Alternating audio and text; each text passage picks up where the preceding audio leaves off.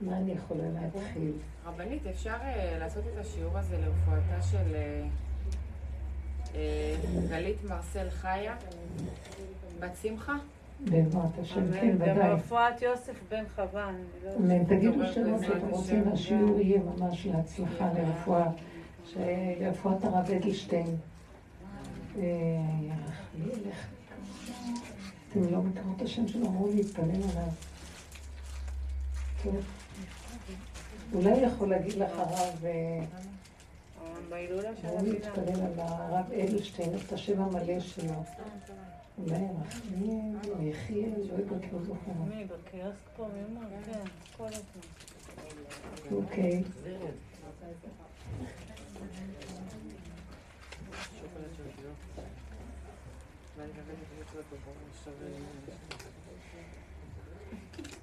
אנחנו מדברים בשלבים האלה שאנחנו כבר באמת, תראו, ראש חודש ניסן, חודש טוב, עוד פעם, וזה הסיום של אה, מהלך גדול מאוד של תחילת אה, החורף עד עכשיו.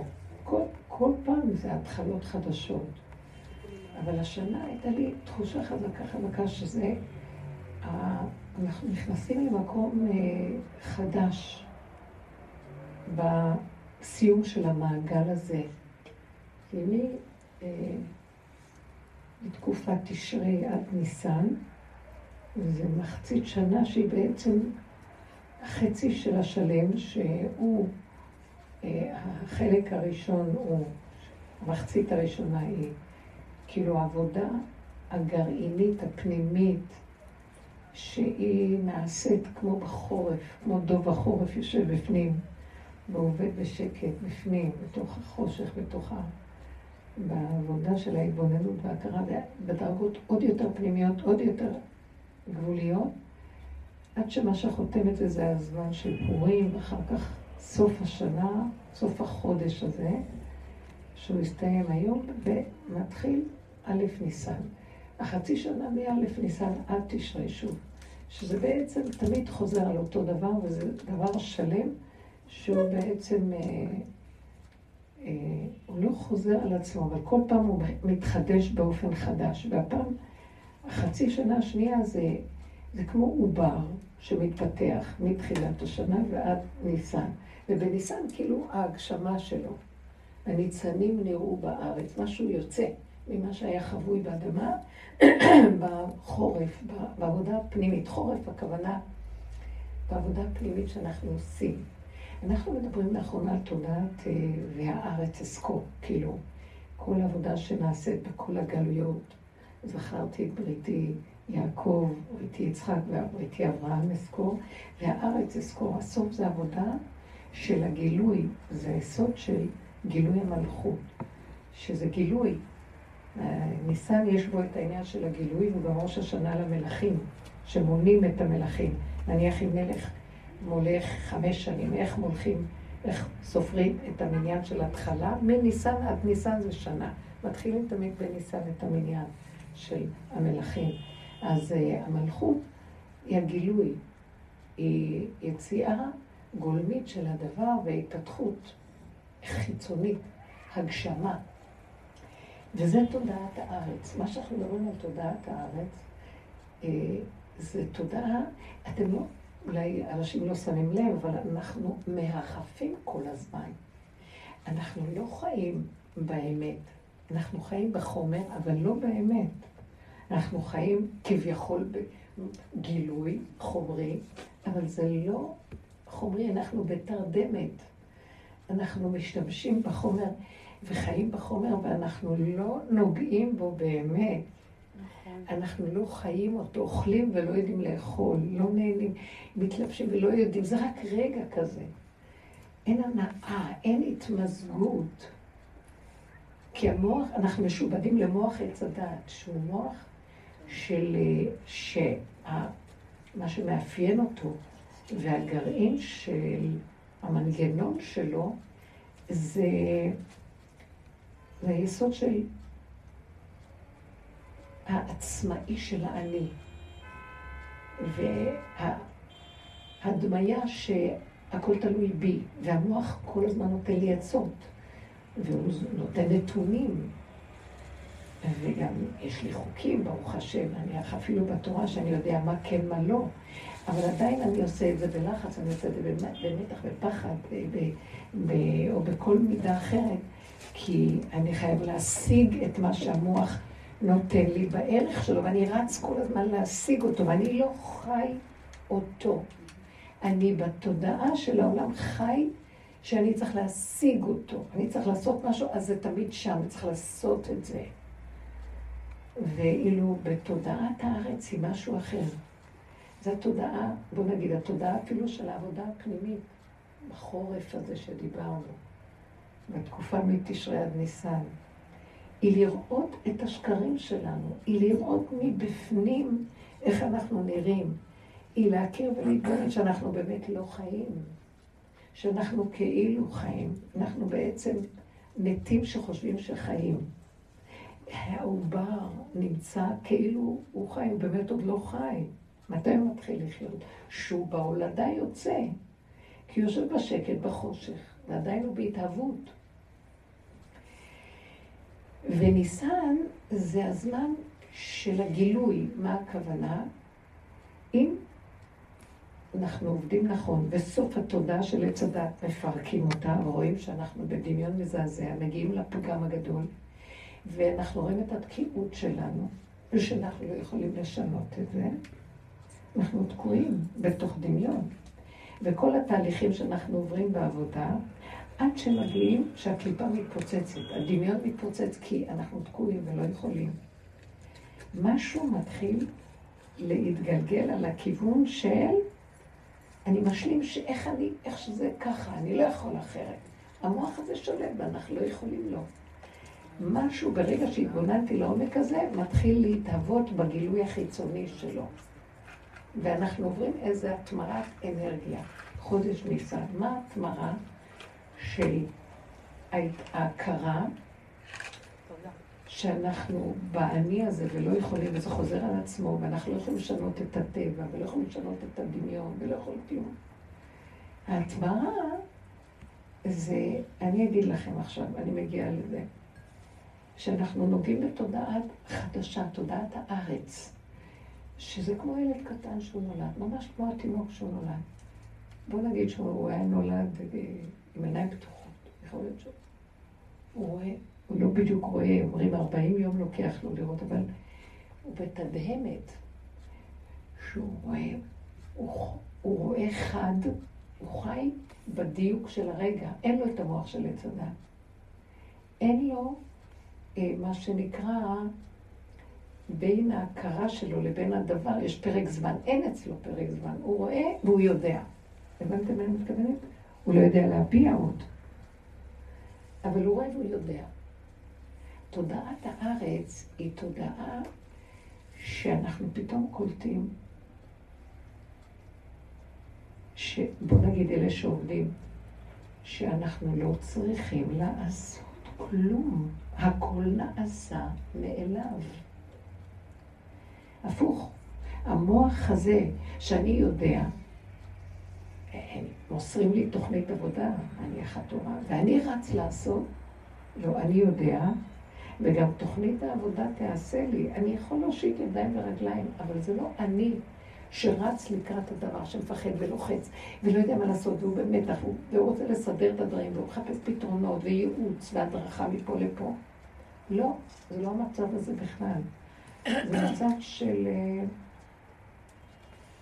תקשיבו, אסור לי להפריע להתנהלות שקיימת כל הזמן בבריאה, יש מי שמנהל אותה.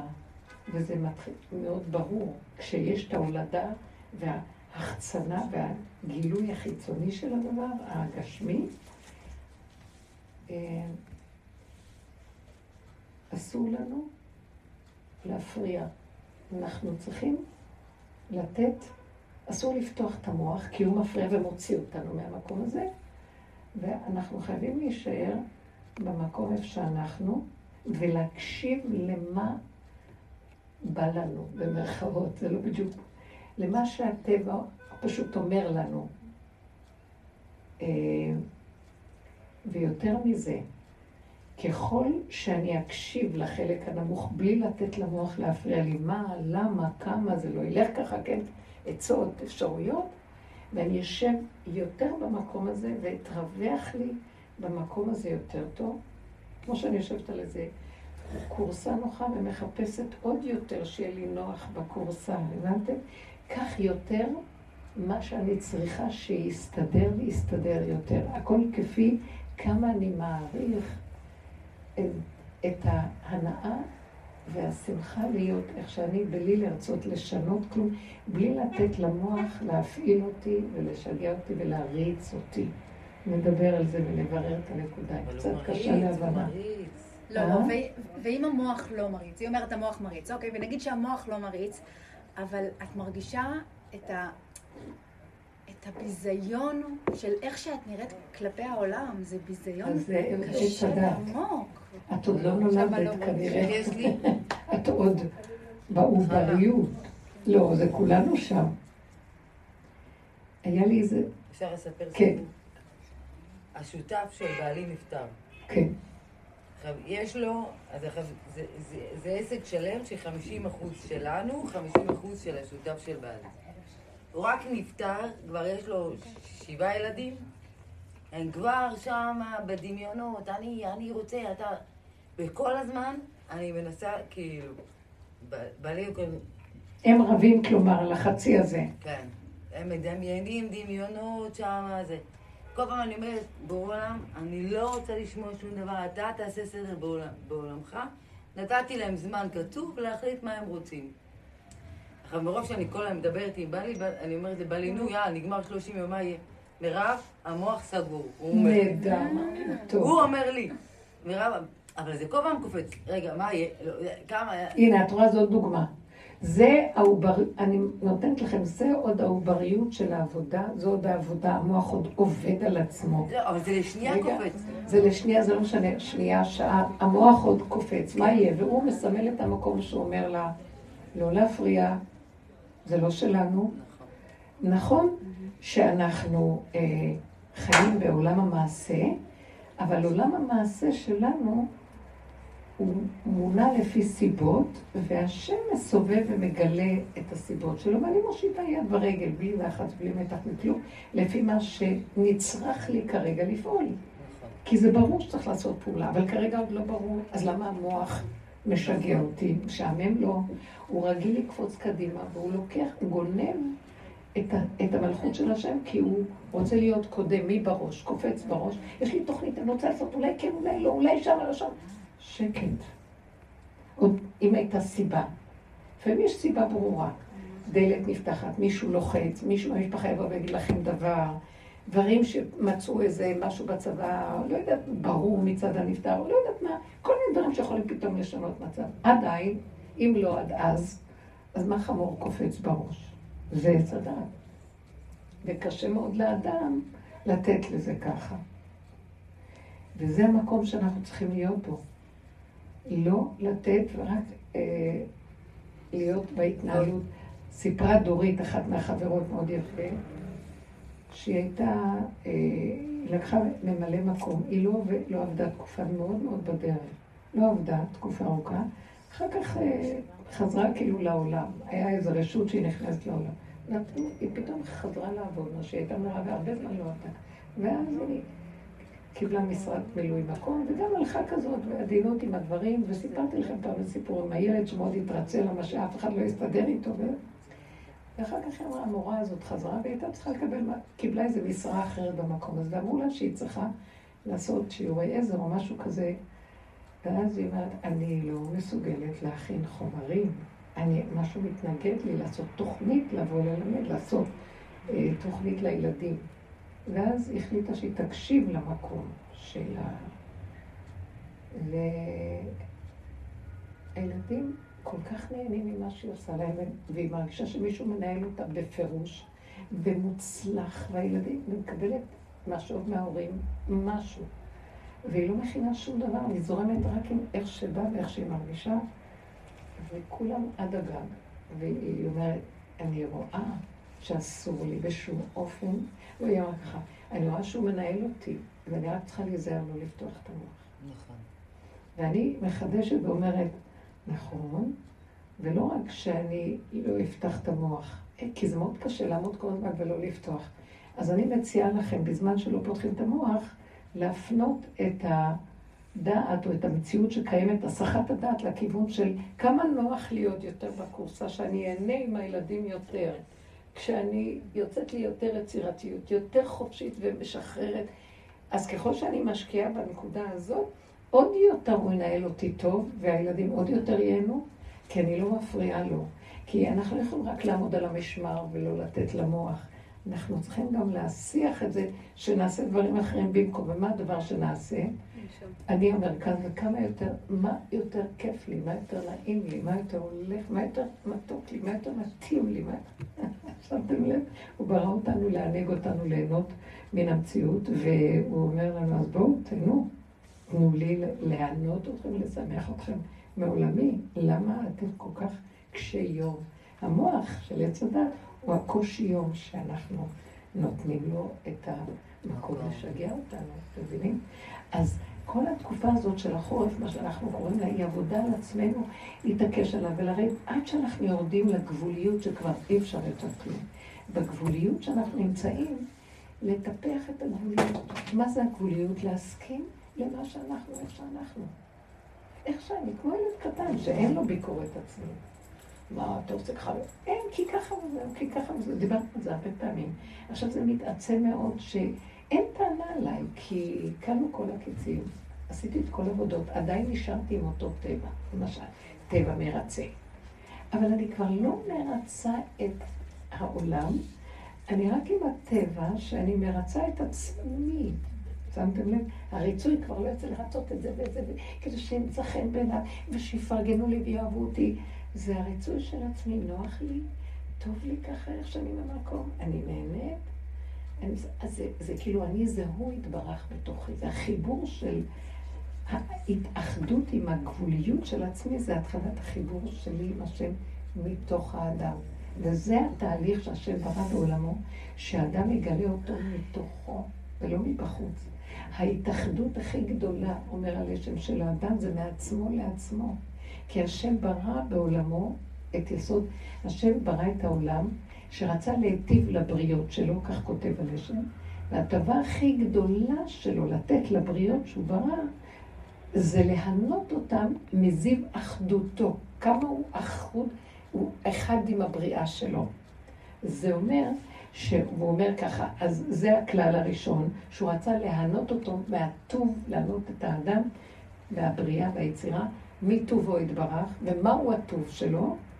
האחדות שלו. יש אחדות מדהימה בבריאה. ועוד כלל, ושהטוב הזה של האחדות הזה, יתגלה מתוך עבודת האדם מעצמו לעצמו. שמעתם? זה התנאי השני, שזה לא יבוא במתנה.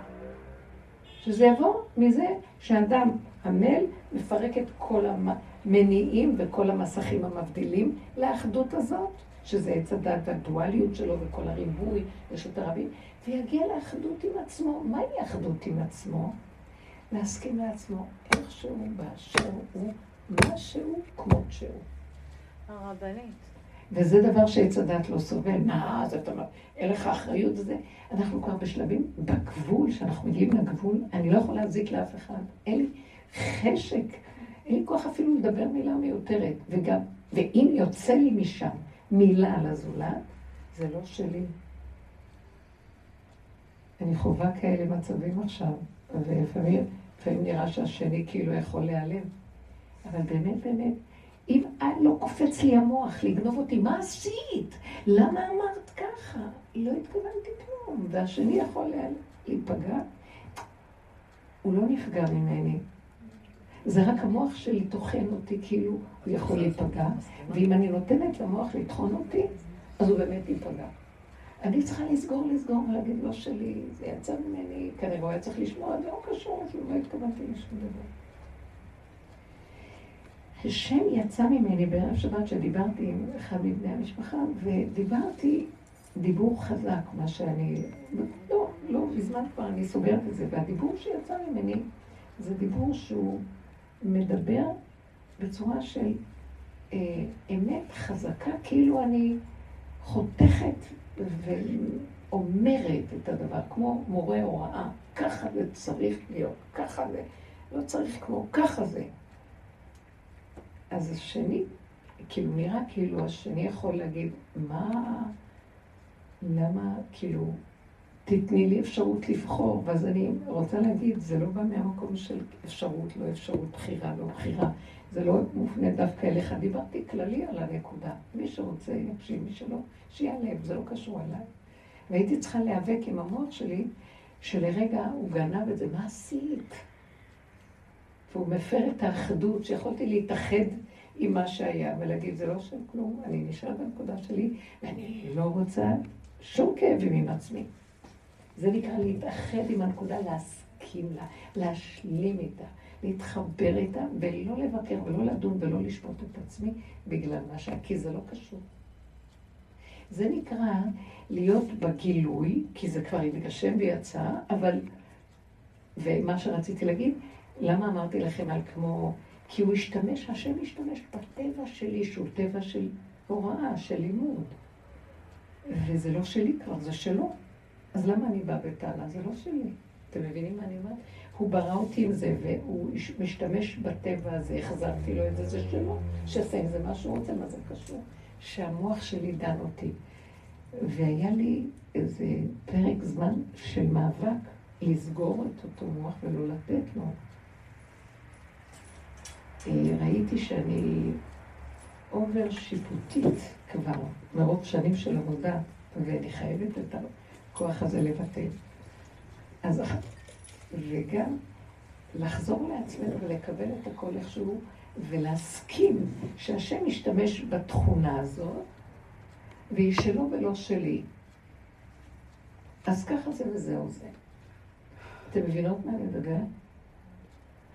היה לי גם עוד איזה דוגמה שאני יכולה... אפשר שאלה? כן, כן. רגע, אין לי אחריות בעצם? נגיד, אני אומרת משהו שהוא... מה האחריות של? תראי, ברובד של עץ הדת יש הרבה אחריות, ואנחנו מוזרים לא להיות בהפקרות. וסור מרע ועשה טוב, וצריך כל הזמן לברר כדי לא להיות בהפקרות, כי הנטייה בעץ הדת להפקרות.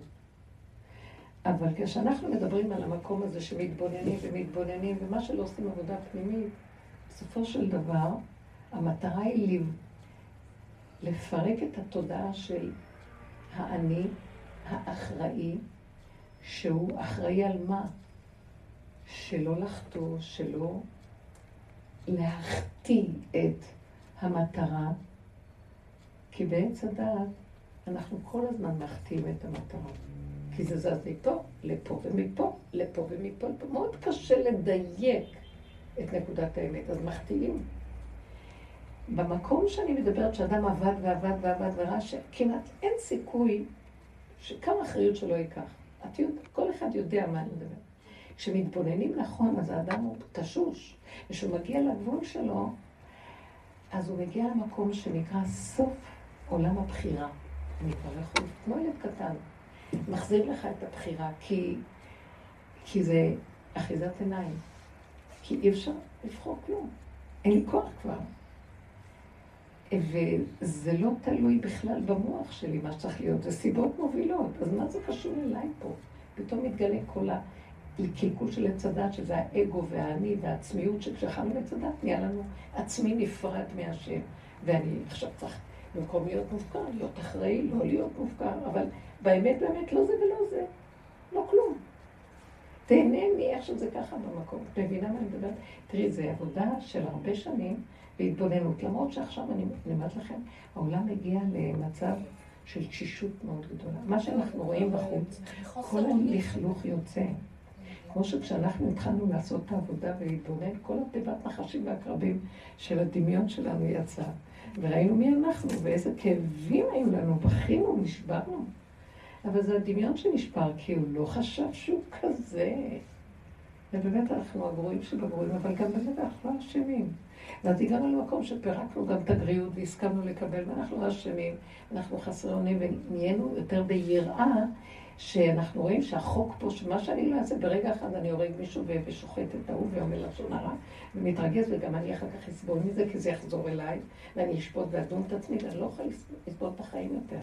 אז שנהיים יותר ויותר רגישים, ובפנימיות הזאת, מעדיפים לשים את הראש בתוך פנימה, בתוך, או למטה למטה, וסוגרים את התיק של הבחירה והמוח. ואומרים, אבא, אני מוסר את החיים שלי אליך, אתה בראת אותי עם תכונות, זה שלך, ואם אתה שם אותי בעולם, אחריות עליך, לא עליי, כי אני אקלקל. כי אני, עוד פעם, ככלב ששב על קיאו. אז אל תדון, אל תשפוט אותי, כי אני לא יכול כלום. זה כמו וידוי של יום הכיפורים. תקועים. זה מקום מאוד גדול ומאוד חשוב. אחרי כל זה מגיעה הגבוליות, שאנחנו משם מדברים על המקום של התודעה החדשה. הגבוליות מזכה אותנו כאילו שאנחנו מתחילים להתיישב טוב בארץ ישראל, באדמת המציאות הנכונה, לחיות בחוויה חושית את הקיום, לא דרך המוח. לחיות, להתענג, להריח, לראות, החושים חיים.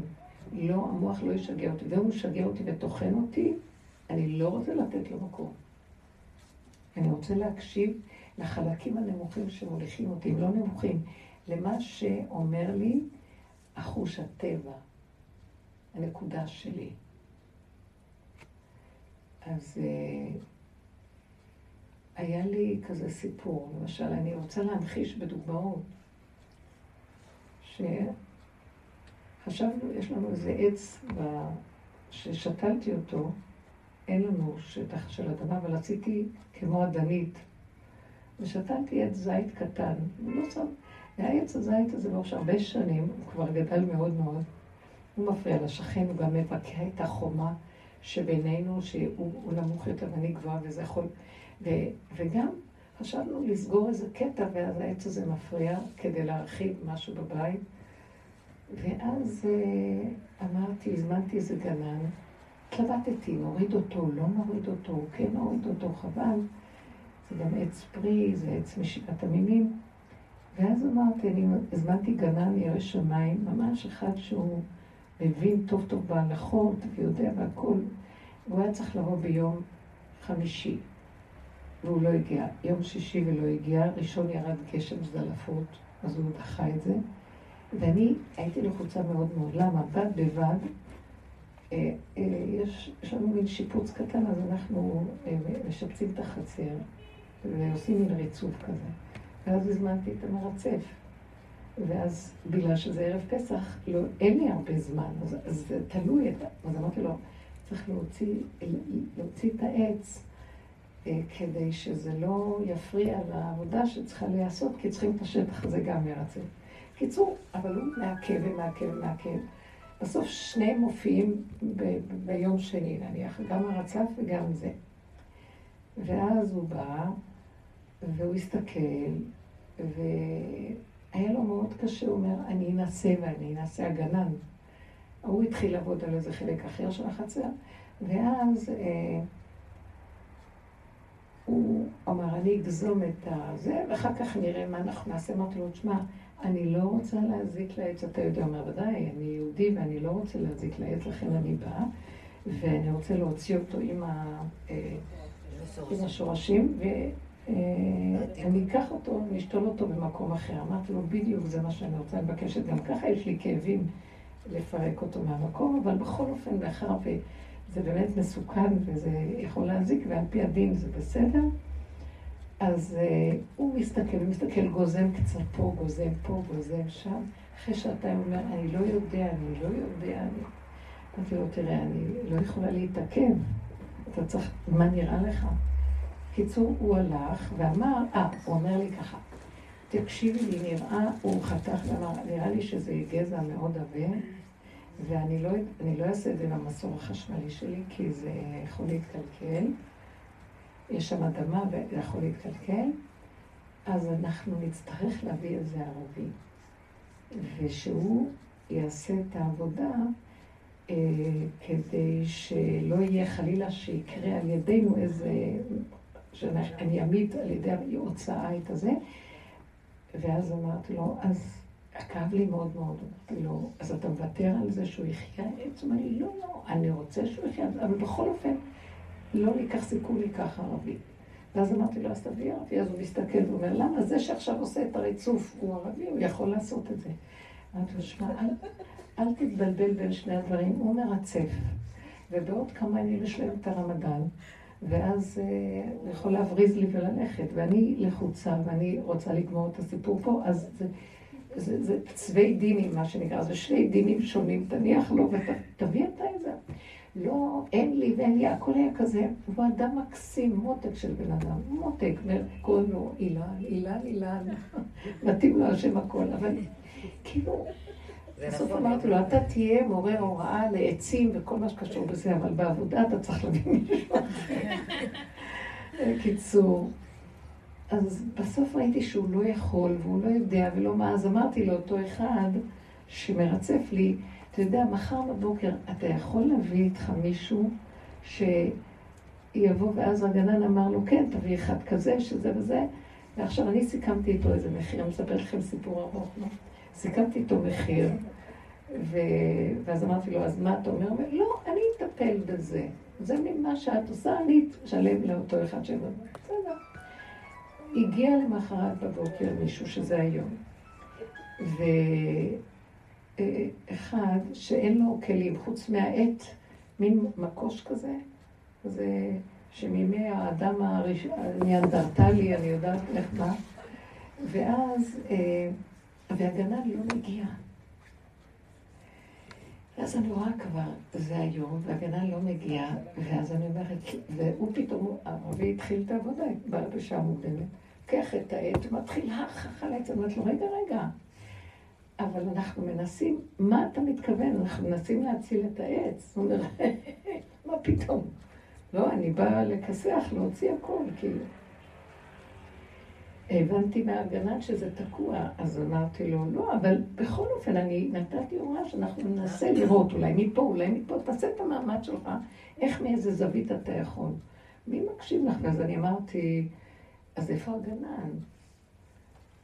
קיצור, לא יכולתי לראות איך הוא נותן מכות לעץ הזה, לא יכולתי, היה לי מאוד מאוד קשה, כאילו, על מנת, זהו, אה, להרוס כמה שאפשר, אחר כך לא. ואז יצאתי, הייתי גם צריכה לצאת, יצאתי מהדף. לא יכולתי, זה לא עץ הדעת? איך? לא יכולתי. כן. כאב לי. זה לא עץ הדעת? זה, זה מקום, זו שאלה טובה, בואי תקשיבי. זה מקום שכן, יש שם מקום של... שההלכה, שה, שהאדם הוא עץ השדה, התורה אומרת, ושהעץ שבעת המינים, וזה נגע לי בזה נקודה שהתורה היא קדושה. ויש דברים שמסתתרים אחרי כל הפשט של התורה. אבל בדרך הרבנית, רגע, רגע, רגע, חכי, לנו... חכי, חכי. כן, נכון, את צודקת, זה נגע בי, לא הייתי גולם לגמרי. זה נגע בי והיה לי אה, כזה הרגשה שאני לא יכולה לעמוד ולראות, הגנה לא מגיע, ואין זמן, ו, וגם שאלתי עוד אה, שני רבנים וגם גנן מקצועי אחר, וכולם אמרו, מה שהגנן אומר גם, שאם אין ברירה, חייבים לעשות את מה שצריך לעשות. אז הלכתי, אבל כשהלכתי, אמרתי לבן שלי, תראה, אני משאירה את הכסף במגירה, אני הולכת, כי אני צריכה גם לנסוע. אה, הם באו קצת, אה, הם למדו בבית כדי להשגיח על זה, ואז אמרתי, תשימו לב, אה, תראו מה, ואני, ואז כתבתי לגנן, משהו קשה כזה, אמרתי לו, איפה אתה?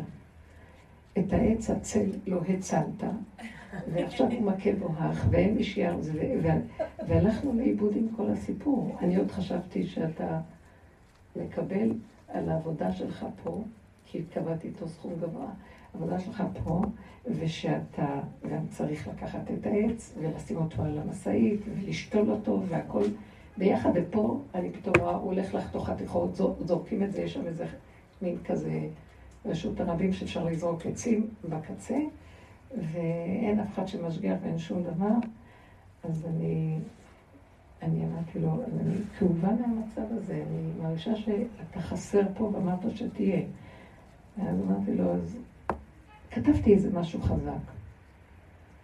ואז הוא חזר אליי, ולא עניתי לו. ולא עניתי ולא עניתי. ישבתי בתוך עצמי ואמרתי, מה מפריע לך? למה את מתרגזת? ואז כאב לי, אמרתי, איך אני מוציאה עץ כזה? תקשיבי, זה כאב לי. אני לא, איך אני מוציאה עץ כזה? יש לי בנים, ותמיד בני אומר, בנייך קשתי לזיתי, עץ הבנים, עץ הזית. עץ הזית. ואז פתאום, בכזה קלות, אף אחד לא נאבק, אולי לנסות להציל משהו, וזה. באמת, כשחשבו כולם ואמרו כולם ושאלו והכל הכל, יש בהלכה מקום, אבל היה לי משהו שכאב. והרגשתי שהייתי יכולה לעשות עוד טיפה מצד המקום ההלכתי, להשגיח אולי כן אפשר לעשות משהו, אם היה קצת מתאמץ, לנסות להציל משהו, אבל... ואז היה לי במחשבה שלי מקום שאמרתי, מה קורה לך? למה את כל כך תאובה? ואת... אה, ופתאום נפלה לי ידיעה, אמרתי, אני את הגנן מאוד חיבבתי. בא הכנתי לו קפה, דיברנו, סיבכתי אותו, מה שהוא רצה, אמרתי, מה שאתה רוצה אני נותנת, רק... ו... וריציתי אותו והכל, ופתאום היה לי כעס על עצמי, על הריצוי שלי, שאני מרצה אותו. והוא מוליך אותי, ויש לי את הנטייה הזאת, אני מרצה את האנשים. אני שמחה, ואני שמה את הנקודה שלי בצד, ואני הולכת איתם, זה ככה, אז אני הולכת איתו ככה, והוא ככה, ואני עושה ככה, והוא ככה, ואני ככה. אני מתהלכת כנגד רוחו של כל אחד ואחד, והנקודה של הריצוי, יש לי איזו אהבה לעולם, לאנשים, בסדר, בסדר. היה לי כעס על עצמי. והרגשתי שזה קשור לעניין של העץ, שחותכים אותו. כי מערבי אומר, אני אחתוך לגמרי ונשים בטון, וזהו, וזה לא יתמך, ועד זה אנחנו נרצה. כאילו הרגשתי שצריך לשים בטון על העץ הדעת שלי, שזה העץ הזה, ולשים עליו בטון, ולהפסיק כבר, כי ואז הכעס שיצא לי על הגנה, זה לא כעס עליו, זה על עצמי, שאני בעצם מאפשרת את המצבים האלה. מלכתחילה, אתה לא יכול, תביא מישהו אחר שיכול. אתה, ואמרתי לו את זה כמה פעמים, אבל הנחמדות הייתה, מרח אותי, וגם אני הרשיתי את זה. והיה לי על זה רוגז על עצמי, וכאילו תסכול. ואז הבנתי שכן, צריך לקחת את זה, כנראה אין לזה תקנה. שבירתו היא תקנתו, מציאותו של... זהו. ופתאום הבנתי שמה שקורה עם העץ שהכניס אותי לניסיון הזה, זה להכניס אותי למקום של והארץ אזכור. ללכת עם הנקודה בלי ההתרגשות ובלי ההתפעלות ובלי... אם, אם משהו בתוכי אמר לי, תחתכי, תעשי, אז תעשי, ותפסיקי לזלזל לפה, ואולי כאן וחבל לי פה, ומה זה, והיראה הזאת, ועוד יראה, ולרצות את הגנן, והוא יבדוק פה, ואני אבדוק שם. היה לי משהו שכעס על ה... אה, למה לא הקשבתי לעצמי מההתחלה? כי בהתחלה היה לי משהו מאוד חזק, שעבדתי עם הנקודה. אחר כך הוא עוד פעם הלך וריצה והתרחב החוצה. היה לי על עצמי מקום שאמרתי, אני חייבת להקשיב, זה היה מין מקום שקלט, שכל המצוקה שנהיית לי, זה בגלל שאני מקשיבה למוח שלי, שהוא הוא לא, הוא עוד נמצא שם חזק, הוא מתחזר, הוא לא מתחזר, אבל הוא תופס מקום בשם התורה, בשם ה... אה, כאילו, בדרך קשתי לזיתים, כל הדברים האלה של, נכון, שהם כבר לא ברגש הזה של פעם, אבל בכל אופן יש בזה איזה משהו קבלי. אז הוא אמר לי, לא, מה שהרגשת בהתחלה שנכון לעשות, תעשי וזהו. להגיד לגנן ככה, להגיד לגנן, תעשה ככה, אתה לא רוצה, אז תלך, אתה משחרר. אמרתי לו, אתה לא הבאת את הערבי, אתה לא, לא עשית שום דבר פה, למה אתה רוצה להיות הקבלן של כל הסיפור? כאילו הוא ישלם לערבי, והוא יסדר הכל, והוא בעצמו. אז בא משהו בתוכי צעק, ואז דיברתי איתו חזק, וזה לא היה רגיל לריצוי הרגיל, איך שאני מתנהלת במצבים האלה. ואז הבנתי שהשם אומר לי, כל זה זה כדי שתראי, תתחילי ללכת רק עם מה שאת מרגישה באותו רגע, ולא להתחשב בשום דבר. אתם מבינים מה אני...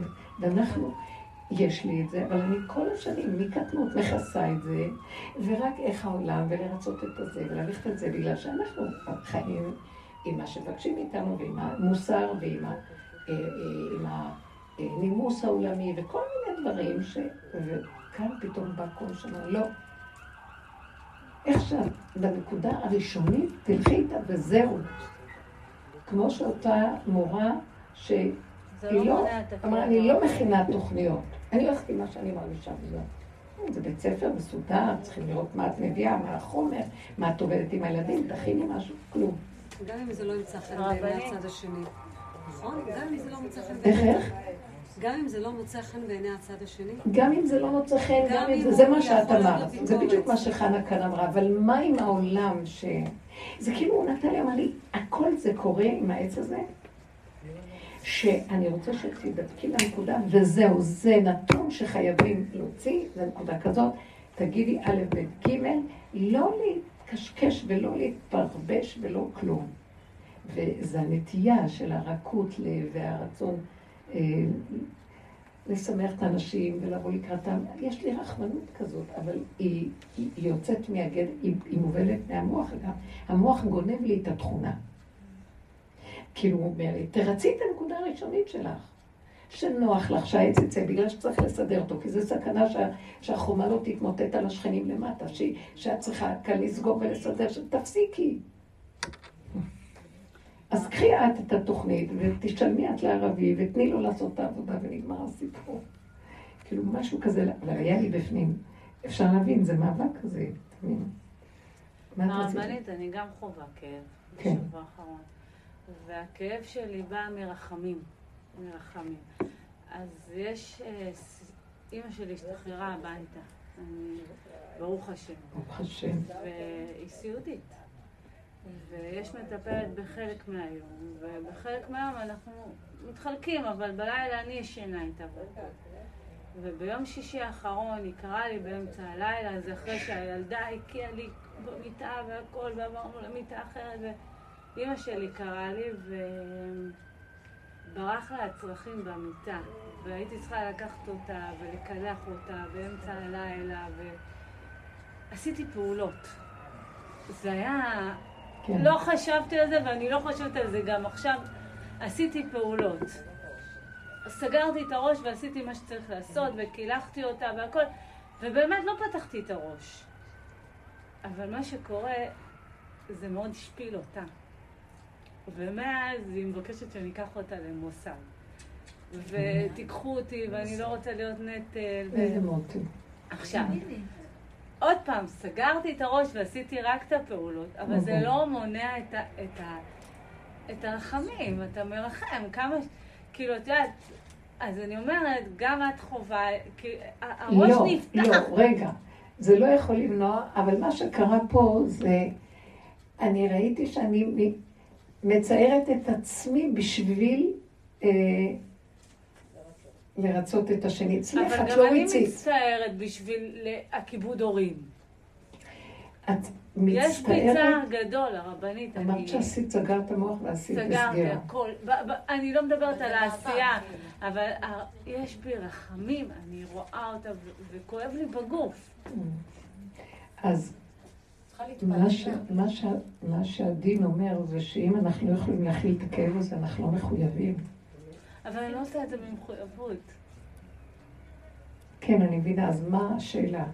איך אנחנו מתגברים, אנחנו רוצים לנתק, אנחנו בד... אני בדרך. אני לא עכשיו בקטע של כיבוד הורים הרבנית, אני בדרך. לא, זה כיבוד אני- הורים. זה- כיבוד- יופי, אבל ההגדרה פחות חשובה לי כרגע, יותר חשוב לי. ההרגש הזה, אנחנו רק צריכים בדרך, לא, איכשהו- תקשיבי. אז בוא לא נתבלבל. שלא נחשוב שהכיבוד הורים הוא סותר את העבודה שלנו. בגלל עץ הדעת, אנחנו מבינים את המצוות לא נכון, אבל הכיבוד הורים, וגם זה חוק בתורה, בהלכה, שלכבד, פירושו של דבר, לעזור ברמה הפיזית להורה. זה לא דבר רגשי או נפשי. זה כלול כמובן ברגשי, כמו שאת אומרת, כי אני מטפל במעשי וזה דוחה, או שלא נעים לי, או שיש לי רחמים על השני, אבל באמת, הפעולה פשוטה לעשות, להכניס, להוציא, להגיש, לקחת ולטפל בגוף הזה. אם לאדם יש צער גדול והוא לא יכול, אז הוא צריך להביא מישהו שיעשה את זה, לא להזניח את ההורה. זה הגדר של הכיבוד.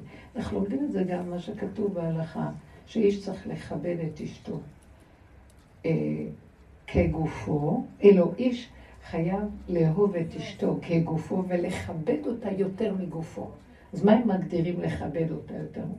אם יש לו 20 שקלים, אז שייתן לה, אם יש לו 30 שקלים, שייתן לה, לא, שייתן לה את מה שיש לו, לכבד אותה יותר מגופו. זאת אומרת שלא ייקח לעצמו וייתן לה חלק משלו. שייתן לה יותר ממשהו, אם יש לו, זה לעבדים אומרים, יש לו כרית. לתת לה את הכרית. לתת לה.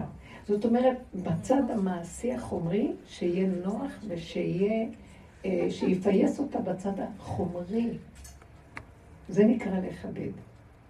אז עכשיו, התורה בעצם אומרת מה שאנחנו מדברים עכשיו בעבודה, שימו לב, כמו שאת אמרת, אני לא התרגשתי, קמתי כמו גולם ועשיתי מה שעשיתי, זה מה שהתורה רוצה. שלא נתרגש ונתפעל, אבל אם אנחנו לא יכולים, ועולים לנו רחמים וכאבים, ואנחנו אז המקום הזה, אה, על זה אנחנו מדברים עכשיו. אם אני לא יכול לעמוד בזה, התורה לא אומרת לי בכוח. זה לא נקרא כיבוד. היא אומרת לא- לי, לא אז תאפשר לעצמך, אל תלך בכוח עם עצמך ותסכים שאתה לא. אז זה מה שהרגשתי היום. פתאום אמרתי, משהו כועס על כל המצב הזה, וזה אומר לעצמי, כי אני לא הולכת עם עצמי באמת, ואני סותרת את עצמי וגולשת מעבר לנקודה שלי. כי הוא היה אומר לי, גם אני אומרת לו, אתה לא רוצה לבוא, אתה לא בא ביום חמישי, אז יום שישי גג, אתה גם לא בשישי, גם לא ראשון, גם לא. אז לא, אל תבוא. ואני עוד כאילו לא נעים, ואולי יצטרך את הפרנסה, ולא זה, כל מיני שיקולים כאלה, רחמנות. ומה שהרגשתי שאומרים לי, לא, תלכי עם הנקודה שלך, לא עם הסובב. ועכשיו זה מוכרח, כאילו, שמתי לב שכל הסיפור של העץ וכל החתך הזה, לא רוצה להשתמש במילה יותר גבוהה, זה כאילו לחתוך את המהלך הזה. לכי עם עצמך, והארץ תזכור, תודה חדשה. תלכי עם הנקודה שלך, עולים רחמים. עכשיו, הרחמים האלה, הם עולים כי יש לי את הנטייה לרחמים, זה צריך להיות רחמים לכיוון הזה. אתם מבינים מה קורה? זה נכון שצריך לרחם על השני, אבל שימו לב, זה לא אני מרחמת, זה הוא משתמש בתכונת הרחמנות, והוא מסדר את האנשים. למה? אם אני כאובה, סימן שזה עוד שלי. הבנתי מה אני מדברת? כי זה עוד מהאני שלי והשיקולים של המוח שלי, שהוא מתערב למקום הזה. לא להתערבב, תני לי לנהל את עולמך. ואז איך אני אתן לך? תשארי כמו שאת, מה שאת מרגישה, איך שאת עושה, וככה תלכי בעולמך, בלי רגש, בלי זה. ואותו דבר שדיברתי בבית לאותו אחד בשבת. אז יצא לי, אחר כך היה לי קשה, כי חזר לי המשוב. אם יוצא, יוצא, זה אחד. אם אני עוד עושה משוב, זה שניים כבר. השניים ממית אותי כבר. הוא אומר לי, אל תהיי שניים, כי אני חיה בדואליות כל הזמן. העולם ונקודת האמת פה, וזה סותר את העולם. אז טוב, אבל אז זה ככה וזה. יש משהו שמפריע, ואז הוא אומר לי, לא, עכשיו תלכו לגמרי עם מה שאני אומר לכם פה. עם הסיבה של הדבר. כמו שאמרה דורית, שהיא הלכה עם מה שהיא הרגישה, אבל היא צריכה להביא תוכנית, היא צריכה לעבוד מתוך דפים, מתוך איזה סדר מסוים של איזה... לא, אני באה ככה ואני זורמת באיך שיוצא לי ומה שיוצא לי, וכולם משתגעים עליי, וההורים מרוצים, הילדים מה זה בחוויית התפעלות? נו, השם מנהל אותי, ואם אני אפתח את המוח אני אפריע לו לנהל אותי. אז מה שעבר לי, את המעבר הזה, זה כאילו, וזה היה היום בבוקר, זה כאילו הרגיש לי די.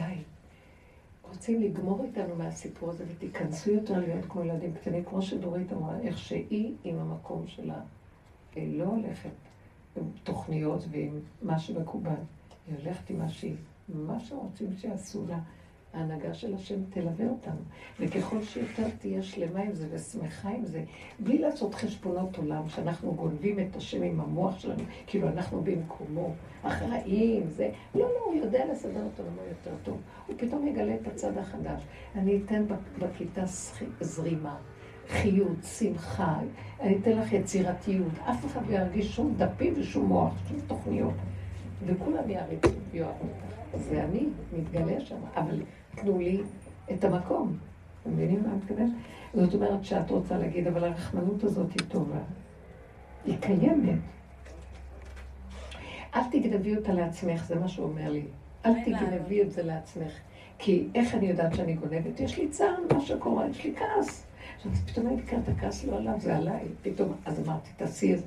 תקחי עוד, את עוד לוקחת את העבודה, ואז הבנתי, תפסיקי עם העבודות, תפסיקי משם לפה ומפה לשם ועוד ועוד ועוד, כמו שאנחנו עובדים, ותיכנסי רק למקום שתעשי מה שנכון לעשות עכשיו. ואז היה לי הכאבים, מה אמרתי לך? בטח פגעתי ו... ולא היה לי נעים, אשתו גם הייתה, וכאילו, כאילו אני יורדת עליו או משהו כזה, ואז לא היה מצב. ואז אמרתי, אני לא יכולה לסבול את השד הזה שחוזר ומצער אותי, מה עשיתי? אני הולכת למות מזה כבר, אני כל כך גבולית, שלא מסוגלת שיהיה שום טיפת עבודה, איזה חוזר, התבוננות, הכרה, עבודה, היא לא מוכנה. רצה להיות ילד קטן שנולד, ניסן, נולד, הניצנים נהיו בארץ, לא יודע, לא מביא לו כלום, עושה מה שצריך לעשות, ושום דבר יותר. זה קצת להכניס את עצמנו לתודעה חדשה שהיא מסיימת את הגלות. אתם מבינים מה אני אומרת? ככה וזה. עכשיו, יש בלגן, מה שקורה הוא שהגנן, גנן לא היה, הוא בא יותר מאוחר, אבל אז בעלי אמר לי שמה שקרה הוא שהערבי הזה כנראה נתן כמה מכות ופגע ברגל שלו. ואז הוא גם לא היה. מה לא היה? חוקי. כאילו, לא בא ממקום, הביאו אותו מ... ואז לקחו אותו לקופת חולים, לא רצו לטפל, ואז פחד. ואז אמרתי, וואי, אז עם הגנן היה קצת בעיה. בקיצור, אבל פתאום הסתכלתי ואמרתי, אז עכשיו מה? אז גם זה שעובד אצלי, הפסיק את העבודה ולקח אותו לכפר שלהם, נניח, כן? ואז מחר הוא יעבוד רק עד שתיים, כי החג שלי מתחיל מחר. ואז הוא אומר לי, כן, ואחרי זה שבוע ימים אני לא אהיה, ואז ערב פסח, אז ככה אני יושבת ואומרת, נו, מה אתה רוצה שם? והעץ נשאר שם תקוע. אמרת שיביא מחר מישהו, נראה. כאילו אני אומרת, אז אבל... ואז הוא אומר לי, אל תתערבי לי, אל תפריעי לי לנהל את המצב. אני אומרת לו, טובה לו, ברחמים. ברחמים. אני רק מבקשת ממך, אני ילדה קטנה, אני רוצה שערב פסח הכל יהיה מסודר, לא נעים לי ככה. מלא אה, שקי מלט על המדרגות, ובלאגן, והכל חפוך על הפוך. מה שאתה רוצה. אולי אתם מכירים מרצף. שבא לירושלים. שלא ייקח הרבה. טוב, נדבר, חמודה. אז אתם רואים, כל המצב הזה, זה מה... אוקיי, מה את אומרת, רחלי? מה רצית להגיד עם... שאת אומרת, אבל יש רגש כזה? בטח שיש רגש כזה. כן, אני אומרת שכאילו כנראה אנחנו רגע לפני מה שאת uh, מתארת, כי כל אחד העולם נוגע בו, זה לא... אני רוצה שנגיע למצב שאין לנו כוח כבר יותר. אין לנו כוח. גבול. אין לנו כוח, אנחנו רוצים להגיע. אז בואי אנחנו מייחלים למקום אז תכעסי על עצמך. תכעסי. אני לא יכולה לכעוס על עצמי שאני רואה בן אדם חסר אונים בוכה. אני לא מצדיקה, לא, אני לא. רואה מצב שאני יודעת שאני מנסה לנצל את אז שלה, זה, לא- זה לא רגע, הצדקה. אבל זה משהו שמונע ממך לנגוע בעצמך ולכבד את המקום שלך. תראו איך המוח גונב על הזולת, וכל היום אני שמה, אני כל הזמן שם, את צריכה כל השנים. לרחם על עצמך בכל אני לא. בקשר בכלל עם עצמי בגלל זה. אנחנו לא קשורים לעצמנו, כי תמיד התמסרנו כבר, כי זו הייתה שיטת הגלות. אני, למסור זה השם הביא לי את הפעולות לא, אבל האלה, אין אני- פה רחמים. לא, אבל הוא הביא לך את הפעולות? כדי שתראי את עצמך ואת הרחמים שלך. אבל עוד פעם, הנה, גם אצלך יש את המידה הזו של הרחמים, והוא אוקיי, מציב אבל לנו תקחי אותה עד. הסוף פנימה. לאן? למקום שאת לא- שאת כועסת שזה ככה. שמה, שאני מרחמת עליה? כן. כאילו, הרחמים של השם עליה. האם את מבחינה שזה השם או זה את? לא. אז אולי זה השם.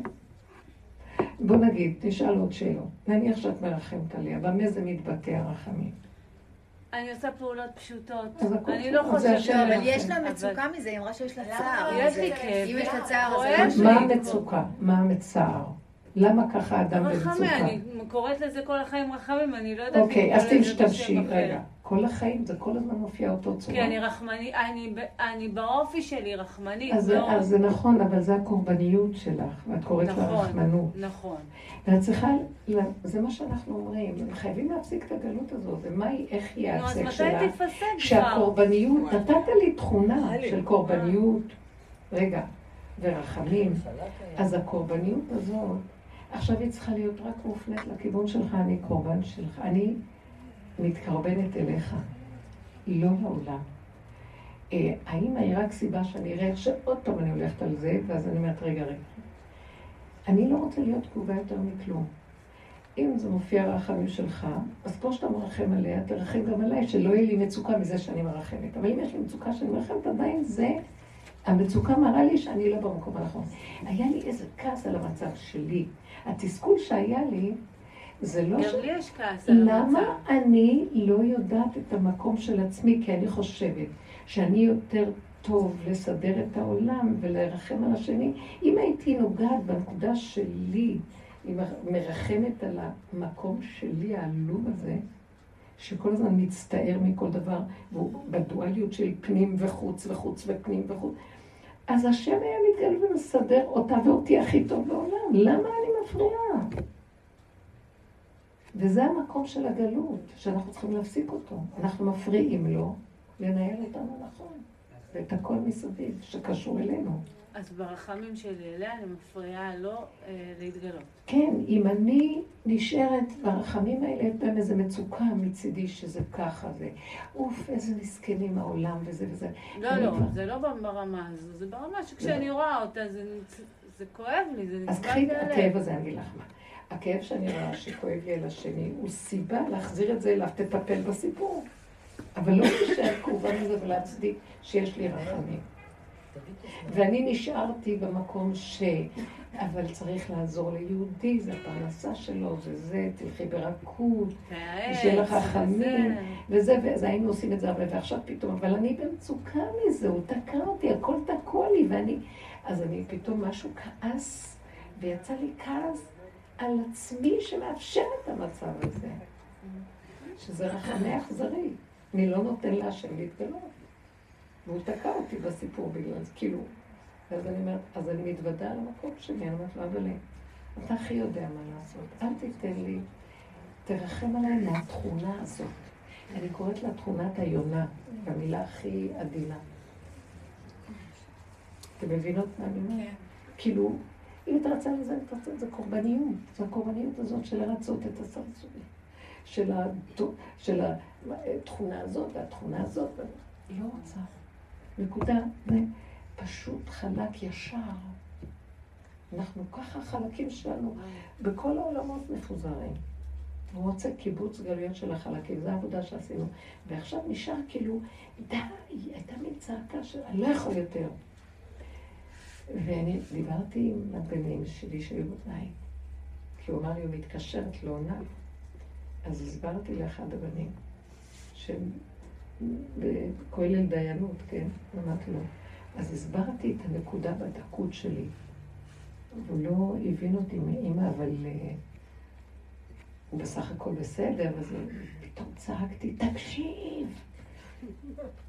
אם הדי... הדיין רואה לעיניים, והשם רואה ללבב, תרד יותר למטה להבין את מה שאני מדברת אליך.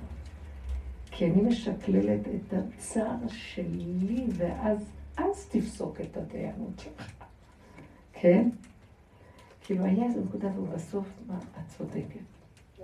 אמרתי לו, אני לא באה לספר לך סיפור, אני באה לגלות לך את המטמוניות של עצמי. שעכשיו שאתה פוסק ביני לבינו, שיהיה לך יותר אה, ישרות בפסיקה, כי ככה חסר לך המצב שלי. ואז אתה כאילו דן מהמקום שהתחיל. אתם מבינים? הרבנית? הוא כאילו אומר, טוב, אבל סיכמתי איתו, אז עשית לו, אז אמרתי לו, נכון, אבל היה ככה, היה ככה, וזה, והיה הפסד כזה, והפועל הפסיק, וזה, זה, והיו לי הפסדים שונים והרגשה כזאת. אז בסוף אמר, את צודקת, נכון, נכון, זה חידוש. אתם מבינים? זה חידוש. העבודה שאנחנו עושים לרדת בחורים והסדקים ולהכיר את הפגמים ואת השקרים השונים, אם אנחנו משקללים את זה אחר כך, שפוסקים את הדין, הדין נראה אחרת. אתם מבינים מה אני מתכוונת? זה כאילו האדם אומר, אבל מה איתי? אתם מבינים? הצד הפרטי של האדם, הדרגות הפנימיות, ששם חבוי איזה משהו, אתה נכנס בחורים ובסדקים ומוציא את, ה, את הקורי עכביש האלה, פתאום רואים את התמונה האחרת. ככה סוגרים עליהם ולא רואים אותם.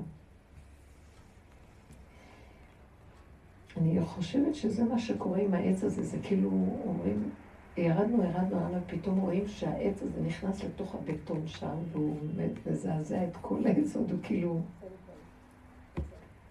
זה כבר לא חי, כאילו, זה אי אפשר ככה להחזיק את זה. צריך שיהיה אמת וישרות.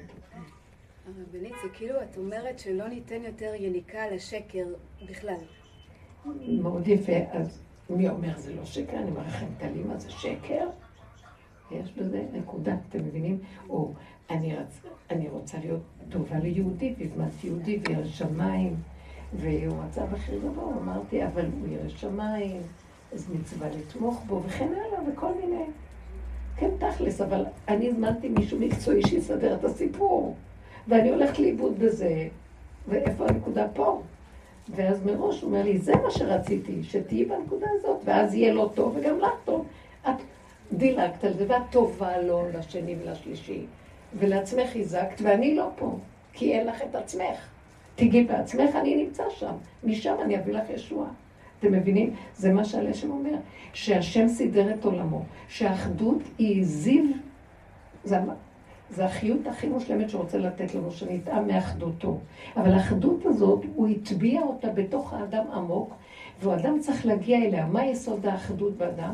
מעצמו לעצמו, כי הוא אומר שאדם מחבב את של עצמו יותר מכל דבר אחר, והוא שואף לנקודה של עצמו יותר מכל מקום אחר. ככה זה בטבע שהוא יצר בעולם.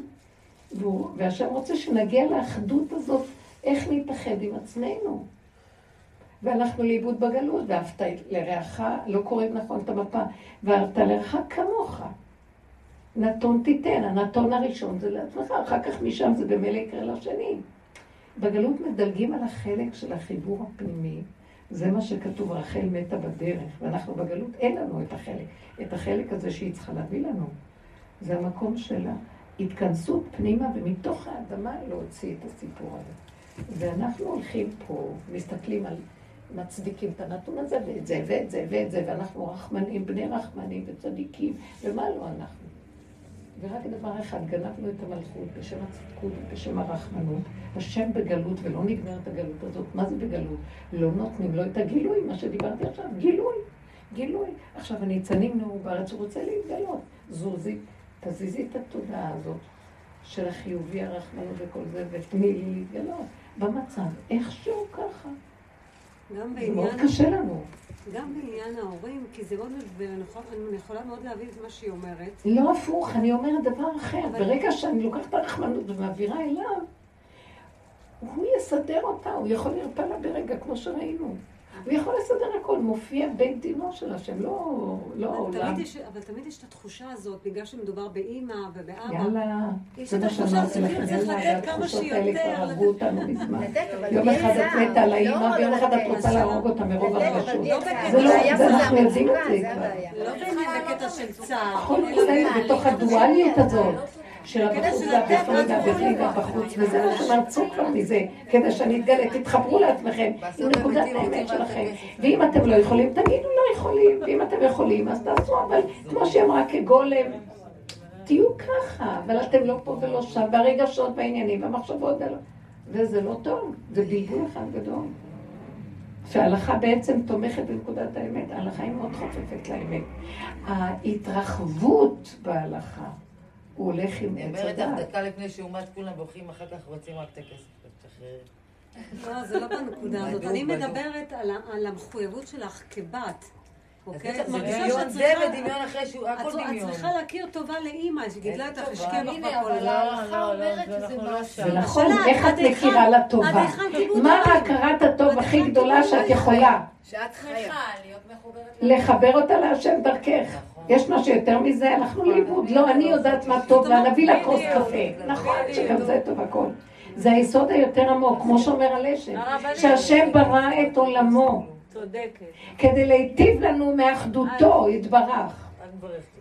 ואיך הוא רצה שתהיה אחדותו, הוא הטביע את זה בתוך כל נברא ונברא, ומצפה שמעצמו לעצמו יתאחד ויכיר את יסוד האחדות, את זיו אחדותו של השם יתברך שקיים בתוכו. כי שום דבר בחינם הוא לא רוצה. זה אחד התנאים שהוא סידר בעולמו. שהוא כן סידר שכר לאדם והטבה הכי גדולה, אבל על ידי מעשה האדם ולא בהפקרות. אז לאט לאט מדרגה לדרגה לדרגה אנחנו מגיעים לנקודה הפנימית. ומה הנקודה הכי גדולה? תתחברו לעצמכם סוף סוף. הוא אומר לנו, תתחברו לעצמכם. מה זה להתחבר לעצמנו? לקבל את עצמכם איך שאתם, בלי ביקורת, בלי שיפוטיות, בלי כלום, בלי חרטה ובלי כלום. אז זו עבודה מאוד גדולה. כל הדורות עבדו על זה, ומבחוץ לבפנים, ועבודת יום הכיפורים תוכיח עד הסוף. עד שגם שם כבר הוא אומר בסוף, בגבוליות כבר זהו. זה כמו תינוק שנולד, מה, מה יש עליו טענה למה הוא לא, למה הוא כן? הוא נולד עם תוואים כמות שהוא, וזה שייך להשם ולא שלו, כי אין לו את הדעת שגונבת אותו. אז תנו להשם להתגלות בזה. איך אוהבים תינוקות? כולם מעטים עליהם כמו איזה אור כזה מתוק. כי ברגע שיש את, מופיע אצלהם עץ הדת, ישר מרגיזים כבר. הם מחקים את המבוגרים, הם מתנהגים לא טוב. מה ש... כן. כל השבוע הזה שאימא שלי השתחררה, היא שומעת אותך כל יום, אז לא יכולה להגיד. אז לפחות... אז רגע, איפה היא עכשיו? לקחתם אותה? היא בבית. אה, בבית. אבל אתם לא... לא כדאי לקחת אותה. תשתדלו שיהיה לה אצלכם, אה, גם אצלי ההורים היו. אבא שלי יצא אצלנו 16 שנה ואימא שלי שנתיים. ואימא שלי הייתה סיעודית, ממש. הייתה לי מטפלת, כל החליפה מטפלת בה, מטפלת בה. ו... כן, זה טרחה בטח, זה לא קל עם כל הסיפור שסיפרת, ודאי זה קיים כל הזמן, ואחריות. אבל זו זכות גדולה, והכי טוב אצלה, שיהיו אצל הילדים ובבית. כן, ברור, ברור. והכי נכון. זה פשוט להתארגן, אבל אנחנו לא מדברים על הרמה הזו. לא, לא הייתי שם. שזה גם קשור לזה. לא, לא, הדרך עניינה אותי יותר, בדיוק. זה עניין אותי כן, יותר, את יודעת. כן, את הקומנדו של הדרך, מה קרה?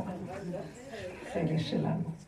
לא, זו הנקודה שכבר התוצאה היא תבוא מעליה, והיא לא שלנו באמת. התוצאה כבר יוצאת. אני כל כך רוצה ש... שנחבר לנקודה הנכונה שממנה יהיו תוצאות חיים, מה שנקרא. וכמו שאמרתי לכם, שבושר אמר למישהי שבא אליו שאין לה ילדים, שאומרת לו, אני אה, חי שמת. אז הוא אמר לה, זו הבעיה שלך, את צריכה להיות מת שחי. כלומר, תמותי לרצונות שלך שאת לא מקבלת, ותגידי, יאללה, לא צריך כלום, איך שזה ככה, וזהו, ותחי את הרגע והנשימה, ותדעי שהכל זו. ואז הוא ייתן לך חיים. את מתה, את נותנת משהו תמורה, תנו את עץ הדעת, ואז תקבלו חיים. בעצם זה מה שהוא אומר.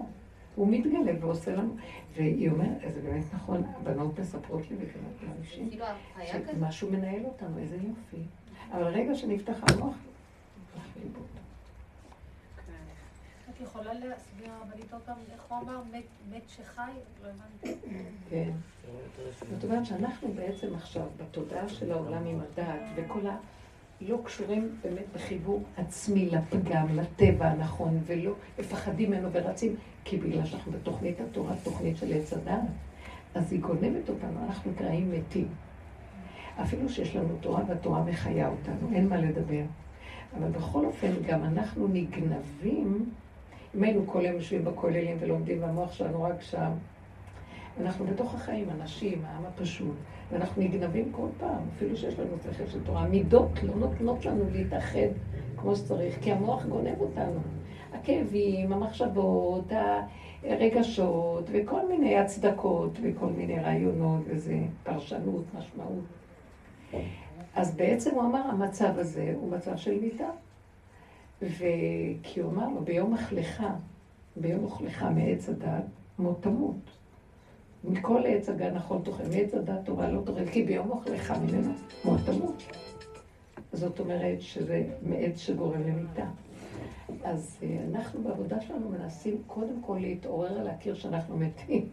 חבר'ה, היי, תקשיבו, אנחנו עושים את זה כבר עשרים שנה כמעט, לא יודעת כמה זמן, הרבה שנים, שאנחנו מבררים ורואים את עצמנו איך אנחנו נראים. מלא דמיונות על עצמנו. מה מוכיח שאני אומרת נכון? המצוקות הנפשיות, המצוקות עם הזוגיות, עם הילדים, עם המשפחתיות, עם החברה, עם העבודה והבוסים, כל הזמן יש מצוקות. זה נקרא לנו, וזה נקרא חיים. הפחד הח- החרדתי הקיומי, מאיפה אני אגמור לו, איך אני אשלם, איך אני לא אשלם, איך אני אעשה. עכשיו שאלתי אותך, הוא לא לוקח יקר, כן. מה אכפת לך? מה שירצו, מה שלא ירצו, כן. אבל זה טבוע בנו וזה לא... ואת כל זה אנחנו הסתכלנו והסתכלנו והסתכלנו והסתכלנו כל הזמן. ופיתחנו כמו איזה בית דין קטן בתוכנו, שלא מוותר לעצמו ואומר, "ש- שקרן, אל תגיד על השני משהו, אתה יותר גרוע מזה. תסתכל בעצמך, תסתכל בחור. את רחמנית? את רחמנית, רחלי, על אימא? ואת הכי אכזרית על עצמך? את מבינה מה הוא אומר לנו? ולא על עצמך, עליי, השם אומר. שאת לא נותנת לי על ידי זה להתגלות, לעזור לה.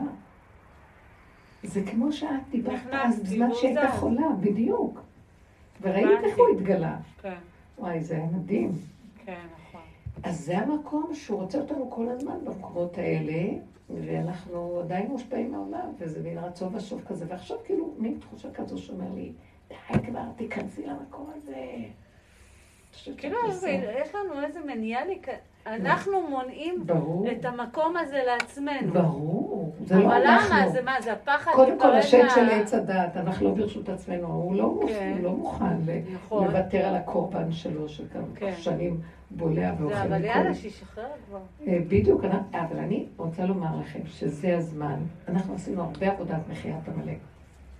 עד שהגענו למקום שאני אומרת לו, אתה אומר לי, לכי על זה? אני אומרת לו, אני לא יכולה לו. כמה הוא משגע אותי, ועוד פעם, אחרי כל העבודה, עוד פעם הוא קופץ לי. אז אתה עכשיו ת- תמחה את עמלק, לא אני. מלחמה להשם בעמלק, דורדור, תקום, ותרחם, אתה תקום, תרחם ציון, כי את לך נקי והמועד. אז תסגור את המוח הרוכש, המתרגש. המתרגש לא בכיוון המועיל והנכון. תעזור. כי אנחנו כבר לא יכולים, נתנו לך כל כך הרבה עבודה, זה עכשיו החלק שלך לקום ולסדר את זה. אז הוא אומר, אז תגידו לי, אז תיתנו לי.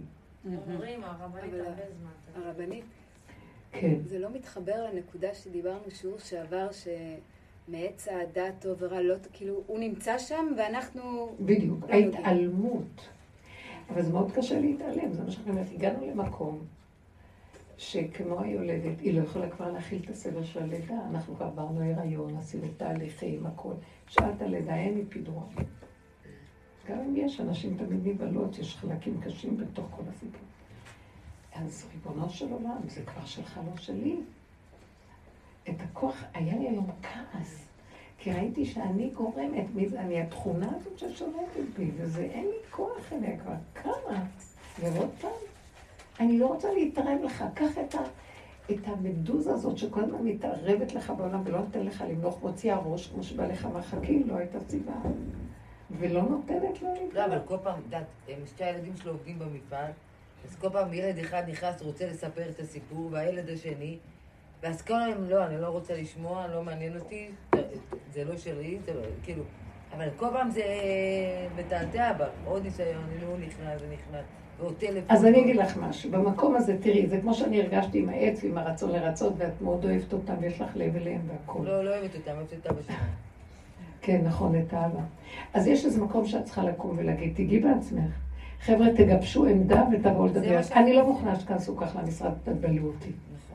זה הכל תלוי בכם, החצי שלכם, ביניכם, תרגו אחד את השני, תבואו עם עמדה כתובה. אם יישאר לזה מישהו שיישאר חי, אז שהוא יבוא עם עמדה. כי שם אחד יכול להרוג את השני. כן.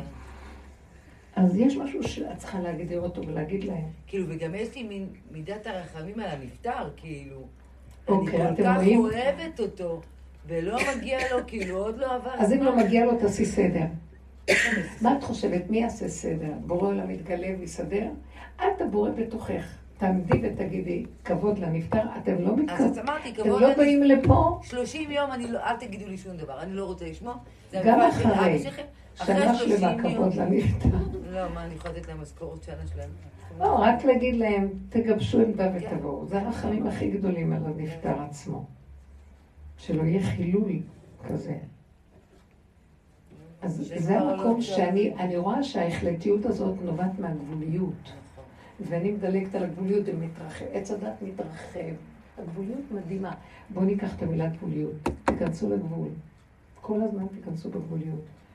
ומה יראה לי שאני בגבול? המצוקה שסותרת לי את הגבול שאני רוצה לעשות משהו אחר ולא מה שבגבול. הגבול. ולי יש, הגבול שלי הוא כביכול חיובי והוא גונב נוראי, רחמנות. בסדר, זו תכונה טובה שהשם נתן, אבל היא שלו, לא שלי. אני עושה את השלי.